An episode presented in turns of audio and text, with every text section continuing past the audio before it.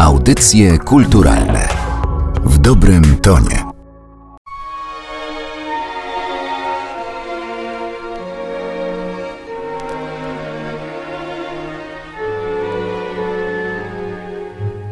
Dziennikarze gazetom, a gołębiom gołębie, kolejarze poetom, chmury chmurom na niebie, wiatr wiatrowi na kwiaty kwiatom na trawie już wszystkim wiadomo, co się stało w Warszawie. Wielka radość w Warszawie, bo starówka znów stoi. Człowiek oczom nie wierzy i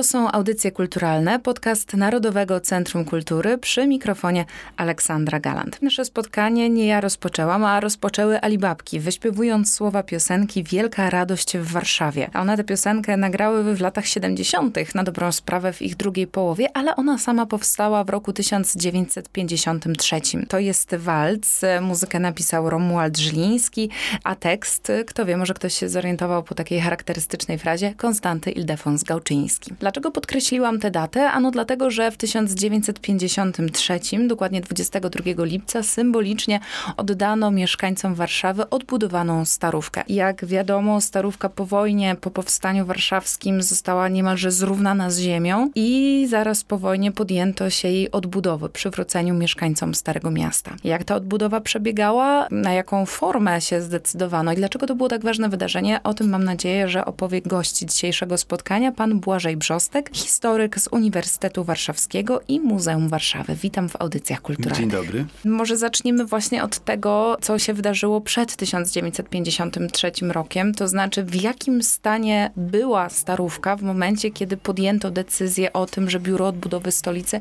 ma tę Starówkę postarać się odbudować. Była w katastrofalnym stanie. No, była kupą gruzów w gruncie rzeczy, ze sterczącymi tu i ówdzie kamienicami, fragmentami kamienic.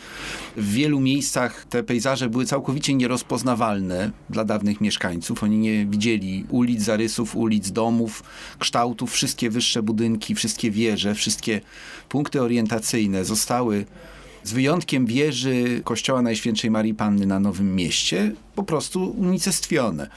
Więc e, decyzja o tym, żeby odbudowywać Stare Miasto, no i całą resztę Warszawy, żeby w ogóle zachować miasto przy jego funkcjach miejskich i stołecznych, była nieoczywista. I zapadła w 1945 roku, jednak po bardzo długich rozważaniach, wahaniach, sprzecznościach, no ale zapadła. Wydaje mi się, że bardzo ważną postacią, być może nawet kluczową w kontekście naszej dzisiejszej rozmowy jest profesor Jan Zachwatowicz, który mówił, że decyzja o odbudowie Starówki, no i to, że to się udało, było postrzegane chyba też w Europie i na świecie jako coś absolutnie fascynującego, szokującego, a sama decyzja i działania nazywał pionierskimi. Dlaczego to było takie niezwykłe? Z kilku powodów. Po pierwsze, z uwagi na rozmiar zniszczeń.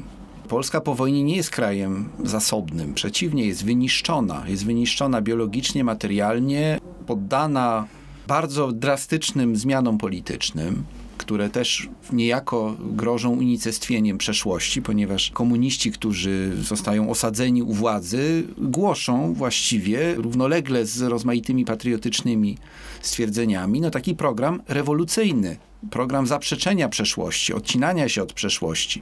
Historia Polski jest przedstawiana w czarnych barwach w latach zwłaszcza wczesnych 50. No więc jeżeli mamy się odcinać od przeszłości, no to decyzja o jej rekonstrukcji materialnej ma w sobie coś bardzo śmiałego i paradoksalnego. Po drugie jest sprzeczna z tak zwaną doktryną konserwatorską, która była dość powszechnie w międzynarodowym gronie konserwatorów wyznawana, ukształtowana w XIX wieku już, wedle której nie wolno, jeśli chodzi o zabytki, niczego ani wymyślać, ani rekonstruować od zera. Zabytki należy chronić, należy je przede wszystkim zabezpieczać przed zniszczeniem, natomiast nie wolno ich budować. To też wynikło z wielu dziesiątków lat y, XIX-wiecznych rozmaitych prób i eksperymentów związanych z dawnymi budynkami, z dawną architekturą. No i ta decyzja w kontekście tej doktryny wydawała się bardzo śmiała i znowu łamała ją niejako. Do dzisiaj zresztą odbudowa miast polskich jest w środowiskach międzynarodowych, konserwatorskich, no nieoczywistym, jeśli chodzi o ocenę zdarzeniem, poddawana bywa też krytyce. Więc to wszystko trzeba brać pod uwagę, żeby widzieć kontekst, w jakim decyzja zapada. Wielka bieda, wielkie braki, rewolucyjny program władz i sprzeczność z wieloma ustalonymi wcześniej poglądami konserwatorskimi. To było bardzo śmiałe, ale to też dało ludziom, którzy się tego podjęli, na czele z Janem Zachwatowiczem, poczucie wielkiej, wyjątkowej misji oni się osobiście utożsamiali z rekonstrukcją Starego Miasta, Nowego Miasta, Traktu Królewskiego, później z odbudową znacznie późniejszą Zamku Królewskiego. To środowisko żyło odbudową Warszawy. Traktowało ją jako zadanie nie tylko techniczne, ale emocjonalne, związane z różnymi wysokimi wartościami. I wydaje mi się, że biografię tych ludzi na czele z Zachwatowiczem, Zachwatowicz urodzony w 1900 roku, co też bardzo symboliczne w tym kontekście, człowiek, który w latach międzywojennych jako młody architekt z Politechniki Warszawskiej, pracownik Katedry Architektury Polskiej, on już przed wojną uczestniczy w różnych próbach rekonstrukcyjnych dotyczących Starego Miasta, o czym pewnie warto więcej powiedzieć. Więc to, co się dzieje po wojnie, nie jest pomysłem, który wyciągnięto z kapelusza. To jest efekt pewnej drogi, jaką odbyły środowiska architektoniczne już wcześniej, środowiska historyków sztuki i konserwatorów. Pan zarysował kontekst taki historyczny, społeczny, trochę też polityczny, w którym zapadła decyzja o odbudowie Starówki. I ja czytałam wypowiedzi, rozmowy z profesorem Zachwatowiczem i on tam wskazywał na to, że mimo tego, że pieniędzy nie ma, sytuacja finansowa, społeczna jest bardzo trudna, to takie miejsca, które sprzyjają identyfikacji narodowej są po prostu potrzebne. On użył takiego sformułowania, że naród i pomniki jego kultury to jest jedno. To też jest dla mnie zastanawiające w kontekście no, władzy, która wtedy w Polsce panowała, władzy komunistycznej, która raczej budowaniu i wspieraniu tej identyfikacji narodowej nie sprzyjała. No właśnie, i to jest bardzo interesująca historia. Zachwatowicz to ujmuje w kategorię narodu. Stanisław Ossowski, wielki socjolog, mówił o tym w kategorii społeczeństwa, korelatu społeczeństwa Warszawy. Nazywał korelatem przestrzeń materialną, w której społeczeństwo żyje. Ponieważ żyjemy w jakiejś przestrzeni, utożsamiamy się na ogół z miejscem, w którym żyjemy.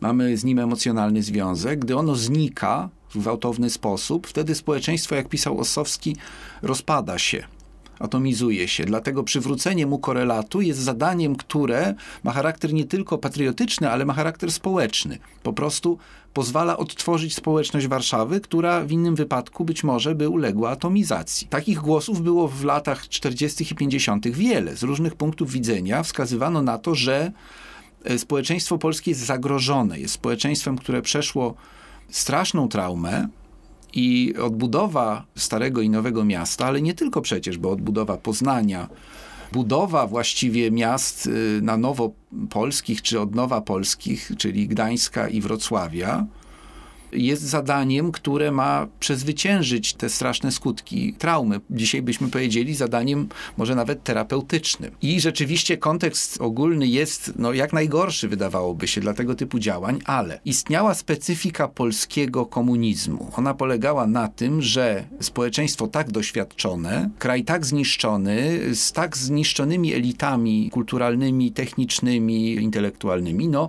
nie pozwala się, że tak powiem, zaorać w ideologiczny sposób tak gwałtownie, prawda? On potrzebuje kadr.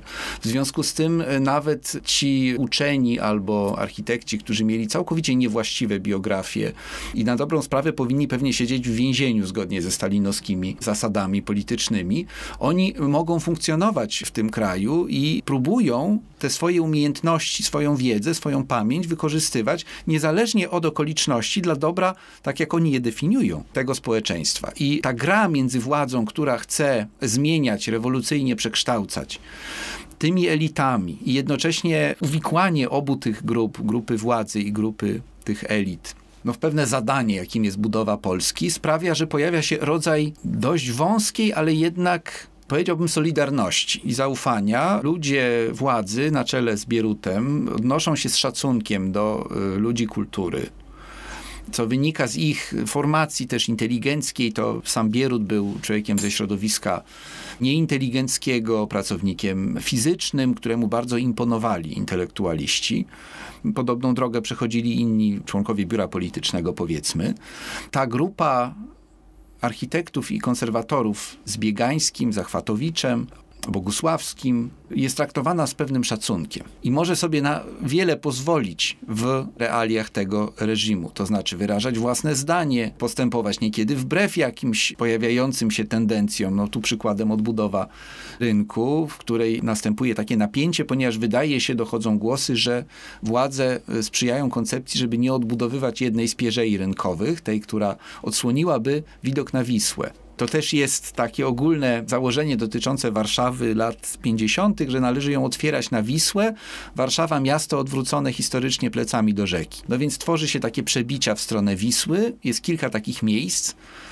Jednym z nich jest Plac Trzech Krzyży, gdzie chciano wyburzyć całą pierzeję łącznie z Instytutem Głuchoniemych i otworzyć widok na Wisłę z takim amfiteatrem. Drugim takim miejscem jest placyk między hotelem Bristol a kościołem Wizytek, gdzie z kolei chciano wyburzyć zabudowania klasztoru i otworzyć widok na Wisłę ze schodami. No i kolejnym takim miejscem był rynek Starego Miasta. To wynika z faktu, że władze bardzo interesują się odbudową Warszawy i sam no, ten hardcore polityczny, czyli biuro polityczne, intensywnie debatuje w niektórych latach co kilka tygodni bardzo szczegółowo nad kolejnymi różnymi planami dotyczącymi Warszawy. Oni się najbardziej wtrącają oczywiście nie w rzeczy konserwatorskie, tylko się wtrącają w rzeczy nowe, czyli w marszałkowską dzielnicę mieszkaniową na przykład i tam roztrząsają sprawy, no łącznie z tym, jakie płaskorzeźby mają być na danej fasadzie, jaką wysokość ma mieć kandelabr i tak dalej.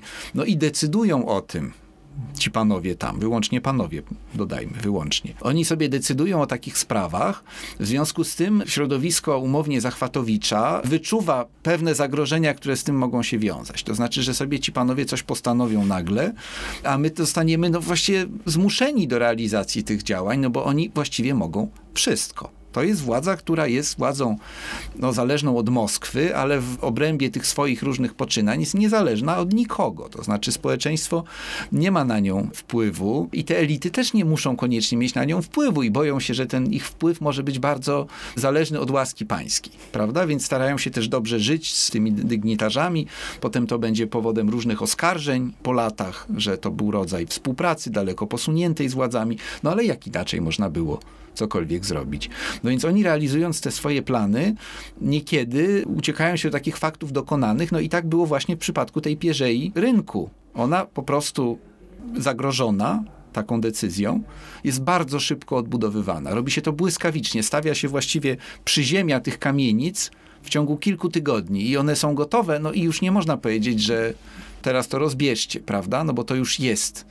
Więc to są tego typu działania, takie zapasy powiedziałbym, w które uwikłane są bardzo różne osoby, różne racje polityczne, ideologiczne, no ale efektem jest jednak to, że ta odbudowa postępuje. Muszę panu przyznać, że kiedy mówił pan o tych pierzejach, przez które Warszawa miała oglądać Wisłę, zaczęłam myśleć obrazami i, i wyobrażać sobie właśnie Plac Trzech Krzyży otwarty na Wisłę. No najłatwiej poszło mi z hotelem Bristol, może przez Karową, nie wiem, ale rzeczywiście rynek Starego Miasta bez tej jednej ściany, no to w- wymaga zabiegów wyobraźni. Prawda? Było to rzeczywiście poddane tej samej myśli. No dodajmy, że hotel Bristol też w, tej koncepcji wybitnego architekta Bogdana Pniewskiego.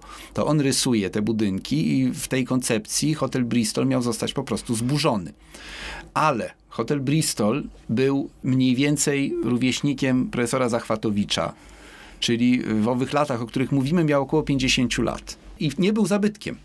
Doktryna konserwatorska, która obowiązywała w latach 50. XX wieku, zakłada, że obiektami chronionymi są tylko te wzniesione przed rokiem 1850. Więc właściwie cała eklektyczna, secesyjna, wczesnomodernistyczna architektura XIX i początku XX wieku nie była w żaden sposób chroniona. A Warszawa, która narosła właśnie intensywnie w drugiej połowie XIX wieku, no w większości składała się z kamienic eklektycznych, I w związku z tym w większości nie była uznawana za dobro warte odbudowy. No i to wyjaśnia też dlaczego skupiono się tak bardzo na Starym Mieście, Nowym Mieście, Trakcie Królewskim i pojedynczych obiektach, które e, miały metrykę sprzed 1850 roku.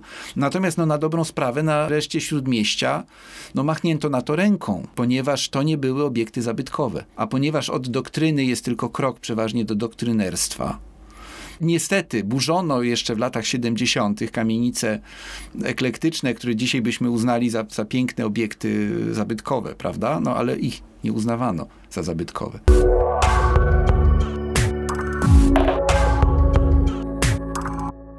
Jakiś czas temu w audycjach kulturalnych pojawił się Andrzej Skalimowski, który jest autorem książki o Józefie Sigalinie i tam na kartach tej książki też pojawia się stwierdzenie, że no, Sigalin miał na sumieniu kilka, może nawet kilkanaście, a kto wie kilkadziesiąt kamienic, które wyburzył na rzecz budowania właśnie tego nowego, które przyszło razem z odbudową. Ale chciałam też porozmawiać o tym, co zostało stworzone, bo mówimy o kontekście odbudowy, o tym, czym się kierowano, jakie racje się ścierały. Natomiast faktem jest, że starówka została odbudowana. Ona fizycznie jest. Chciałam pana poprosić o wyjaśnienie takiego sformułowania, które często się pojawia, kiedy mówi się o Starówce Warszawskiej, mianowicie kostium historyczny. Bardzo poważna sprawa i można by o tym mówić bardzo długo.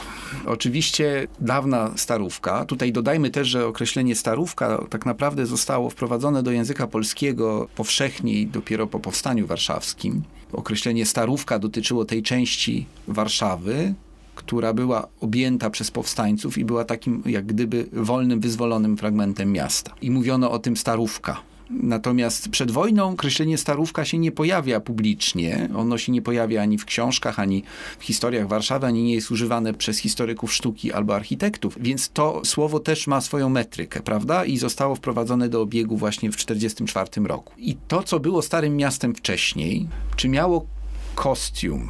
W jakimś stopniu tak ponieważ na przykład decyzja o pomalowaniu rynku Starego Miasta w latach dwudziestych XX wieku w takie różne freski historyzujące, ale też bawiące się historią, całkowicie nowo, współczesne, Zofii Stryjeńskiej między innymi, no była nadaniem pewnego kostiumu, pewnej szaty temu, co było. Natomiast no, określenie kostium do tego Starego Miasta sprzed zagłady Warszawy nie bardzo pasuje, bo ono po prostu było taką organiczną strukturą, która narosła przez kilkaset lat. Najstarsze kamienice Starego Miasta były XIV-wieczne.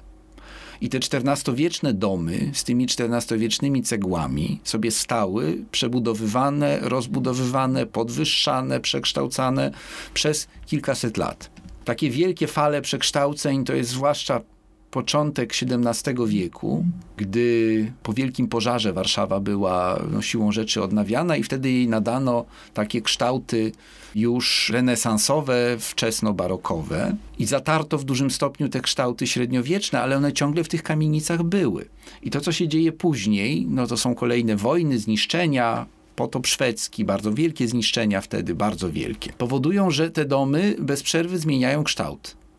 Zmieniają się ich fasady, zmieniają się ich wnętrza, one dostają kolejne kondygnacje, stają się coraz wyższe, a ich podwórka zostają zabudowywane różnymi dobudówkami. I otóż do właściwie XIX wieku ten proces nie podlega żadnej kontroli. Co więcej, to miasto stare jest tak gęste, tak ciasne i tak zaniedbane też fizycznie, że ono w okresie księstwa warszawskiego miało zostać zburzone takie plany burzenia Starej Warszawy to jest przełom XVIII-XIX wieku. Najbardziej intensywne to jest okres Księstwa Warszawskiego, gdy no, jeszcze nie uczczono, nie doceniono architektury średniowiecza, urbanistyki średniowiecza. Natomiast już wiedziano, że ten typ miasta jest niezdrowy, mało imponujący, mało reprezentacyjny, y, że to miasto jest po prostu nie do naprawy. I dopiero w drugiej połowie XIX wieku pojawia się to myślenie takie w kategoriach, które byśmy nazwali konserwacją zabytków. To znaczy, zabytek to też jeszcze nie jest słowo języka polskiego w XIX wieku, mówi się o starożytnościach wtedy, że musimy dostrzegać i dbać o nasze starożytności. No każdy ma takie starożytności, jakie ma. To nie są starożytności antyczne, ale to są starożytności średniowieczne. A romantyzm tam od lat 1820, który oddziaływuje w Warszawie, włącza średniowiecze, a zwłaszcza gotyk w obręb pozytywnej mitologii i takiej też tradycji patriotycznej, narodowej, co się dzieje śladem Anglii, śladem Niemiec, W związku z tym to, co nasze, mimo że nie jest antyczne, to jednak jest wspaniałe. No ale zarazem to, co nasze i nie jest antyczne, jest wspaniałe, jest w tak strasznym stanie na ogół, bo te budynki gotyckie, łącznie z katedrą świętego Jana na przykład, one przez setki lat po prostu się trochę walą, trochę są odbudowywane, trochę są przebudowywane.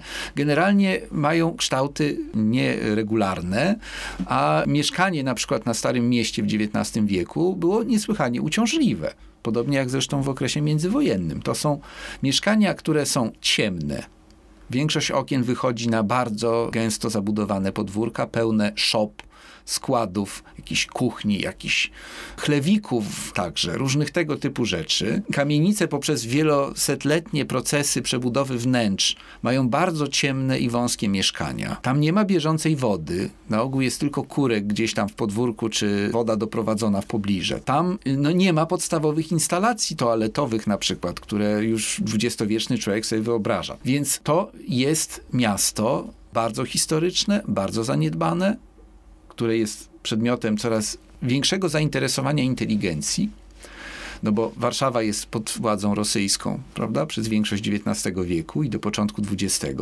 więc wszystko, co nasze, staje się tym bardziej istotne, staje się mityczne. W związku z tym w gazetach się pojawiają ilustracje, drzeworyty pokazujące pod koniec XIX wieku różne kamienice, staromiejskie, pojawia się specjalna instytucja społeczna zajmująca się opieką nad zabytkami przeszłości. I gdy Zachwatowicz ma swoje 30 lat, no to jest oczywiste, że Stare Miasto stanowi wielki zabytkowy kompleks, o który należy zadbać. Ta akcja zadbania o Stare Miasto się tam toczy od początku XX wieku, natomiast najbardziej spektakularne było co? No było to, co zaczęto robić w czasach komisarycznej prezydentury Stefana Starzyńskiego, który bardzo się interesuje nadawaniem Warszawie atrakcyjności, także takiej, jaką dziś rozumiemy, że miasto powinno mieć swoje takie landmarki, takie swoje hity, prawda? Warszawa wydawała się, że tych hitów ma mało i że w dodatku one są bardzo zaniedbane. W związku z tym w czasach Starzyńskiego z udziałem Zachwatowicza rozpoczyna się akcja rekonstrukcji murów obronnych Starej Warszawy.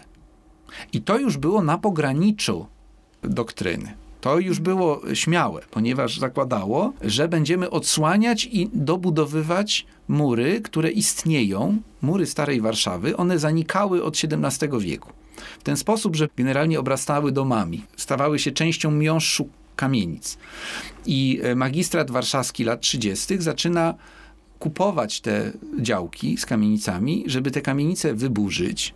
One są przeważnie nietraktowane jako zabytkowe, bo są z wieków powiedzmy XIX na ogół, XVIII, późny XIX i odsłonić mury. Więc się burzy domy, odsłania się fragmenty murów, a tam, gdzie był barbakan i gdzie nie ma nic, w latach 30., w drugiej połowie, się wymurowuje taki kształt barbakanu. Niski. Murek po prostu, pokazujący kształt dawnego barbakanu. To jest kreacja. Ale to jest wstęp do myślenia, które wybuchnie po wybuchu wojny. Bo Warszawa jest bombardowana, zamek płonie, Niemcy przyjeżdżają w 1939 jesienią, zaczynają rabować dzieła sztuki, między innymi z zamku.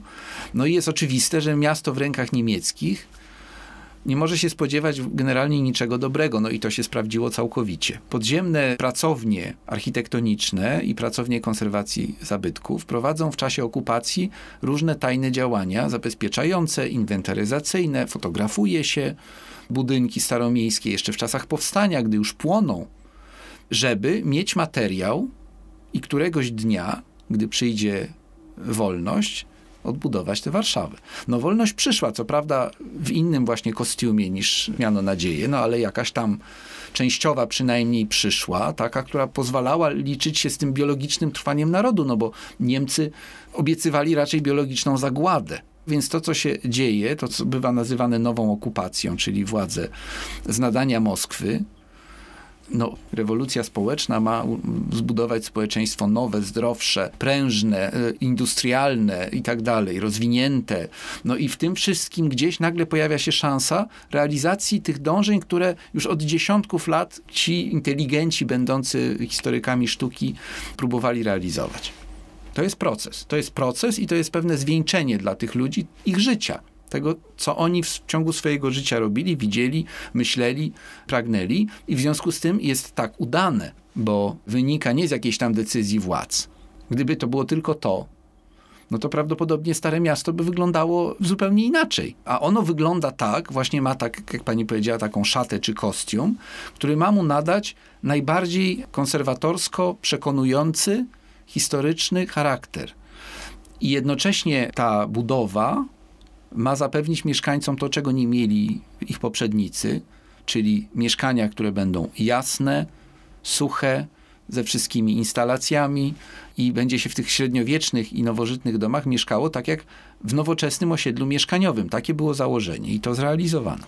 Zaczęłam naszą rozmowę od dat, konkretnie od daty 22 lipca 1953 roku. To jest symboliczna data urodzin Starówki, tak można powiedzieć. Obchody 70. urodzin Starówki w tym roku organizuje Muzeum Warszawy. I może z okazji urodzin zgodzi się pan trochę spojrzeć w przyszłość i ocenić teraźniejszość. Nie chodzi mi o sposób funkcjonowania Starówki, a raczej to, jak ona funkcjonuje społecznie. To znaczy, czym Starówka dzisiaj jest. Przede wszystkim dla mieszkańców Warszawy, może szerzej dla Polaków. Oczywiście to, o czym pan wspomniał, ten landmark, ta atrakcja turystyczna, no to jak najbardziej jest. Świadczą o tym tłumy na ulicach warszawskiego Starego Miasta, niezależnie właściwie od pogody. Czy słowa Jana Zachwatowicza się sprawdzają, że jest przedłużeniem naszej identyfikacji narodowej, kulturalnej? Niewątpliwie jest, ale jak ze wszystkimi innymi miastami, sprawami, rzeczami, no nie wszystko odbywa się wedle planu. Można zaprojektować, zaplanować sobie miasto, ale to miasto żyje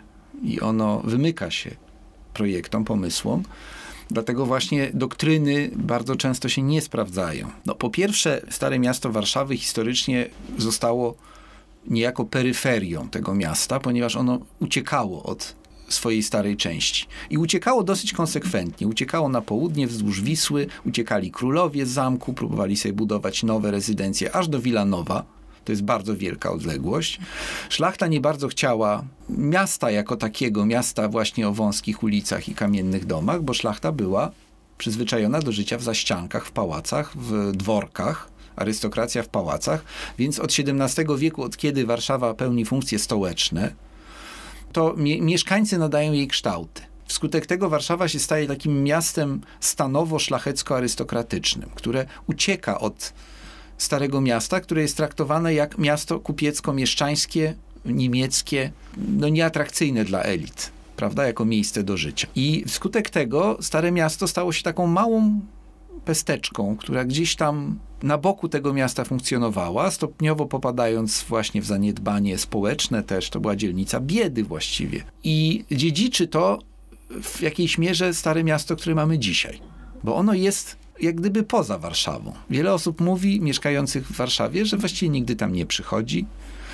Żeby się tam wybrać, to trzeba podjąć taką decyzję, przez Stare Miasto się nigdzie praktycznie nie przejeżdża i nie przechodzi. Stare Miasto nie jest po drodze. Nie jest po drodze, jest właśnie na boku i to wynika z wielu powodów. No jak sobie spojrzymy na Wiedeń, no to jego centralny plac z katedrą jest absolutnie w samym środku Wiednia. Stare Miasto Warszawy jest absolutnie na boku miasta i Warszawa ma zresztą takie cechy dziwne, że można w niej bardzo długo być i na przykład nie widzieć Wisły i można tak samo w niej bardzo długo być i nie oglądać Starego Miasta. Tam się trzeba wybrać. Nad brzeg Wisły się specjalnie idzie albo jedzie, na Stare Miasto się specjalnie idzie. I to jest jeden, jak gdyby taki strukturalny problem, tylko że dopóty, dopóki Stare Miasto było tym, czym miało być wedle projektu z lat 40., to znaczy dzielnicą mieszkaniową, no to siłą rzeczy toczyło się w nim codzienne życie. Mieszkali tam ludzie, to były domy, łącznie z kamienicami rynkowymi, ale przede wszystkim te kamienice przy bocznych ulicach od rynku odchodzących, to wszystko były domy mieszkalne.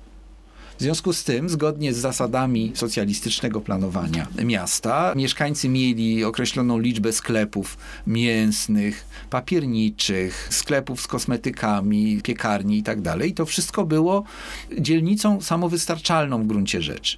Czy to można było utrzymać w warunkach wolnego rynku i rozwoju turystyki? Bardzo wątpię. No, miasta historyczne się wszystkie z tym borykają, na czele w Polsce z Krakowem, którego w starej części w obrębie plant 10 lat temu mieszkało, zdaje się, 6 tysięcy osób. Nie wiem, ile mieszka dzisiaj, ale to są liczby bardzo nikłe, ponieważ tam się żyć nie da. Z wielu powodów. Struktura handlu i usług jest dopasowana do turystów bardziej niż do mieszkańców. Koszta życia są bardzo wysokie, komfort życia jest bardzo niski, bo to jest bezustanny hałas. I stało się to atrakcyjne jako lokata kapitału, to znaczy mieszkania na starych miastach, w ogóle w Europie są dzisiaj głównie na wynajem dla turystów, z tego się żyje, mało kto chce tam mieszkać. No i Stare Miasto Warszawy spotkał właśnie ten sam los. Sprzeczny z założeniami jego budowniczych.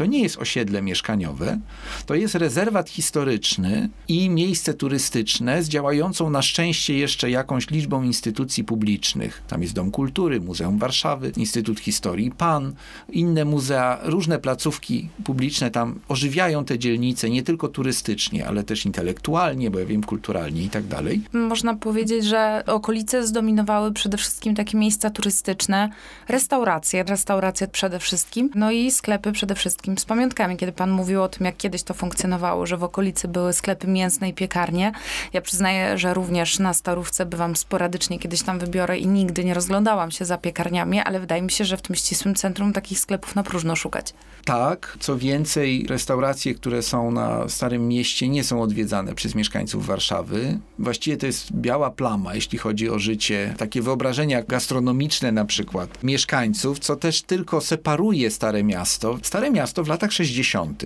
XX wieku. To było miejsce, gdzie studenci przychodzili na wino, gdzie ludzie przychodzili do lokali, kamiennych schodków, różnych innych, do piwnicy warskiej, żeby słuchać muzyki. To było osiedle i to była część miasta, która była atrakcyjna, przyciągała. Tam był wielki sklep Desy, tam był sklep Cepeli, tam był sklep filatelistyczny, bardzo ważny, przy samym rynku, do którego warszawscy filateliści przyjeżdżali. Oprócz tego, że oczywiście y, na rynku stały do 70 roku samochody, to był parking i walczono o to, żeby je usunąć, prawda?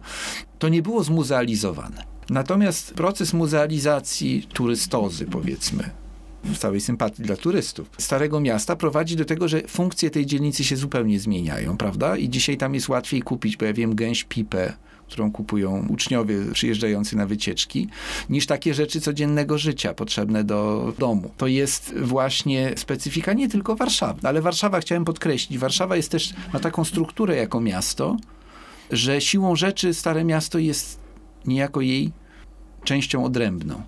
O Starówce Warszawskiej można by rozmawiać jeszcze na pewno dużo dłużej, wszak 70 lat tej najnowszej historii trudno jest streścić w trakcie jednego podcastu. Niemniej mam nadzieję, że ta rozmowa zachęci Was do odwiedzenia Starówki, a także do zbadania tego tematu jeszcze głębiej. Dzisiaj o warszawskiej Starówce w roku jej 70-lecia mówił pan Błażej Brzostek, historyk związany z Uniwersytetem Warszawskim i Muzeum Warszawy. Bardzo dziękuję za to spotkanie. Dziękuję bardzo.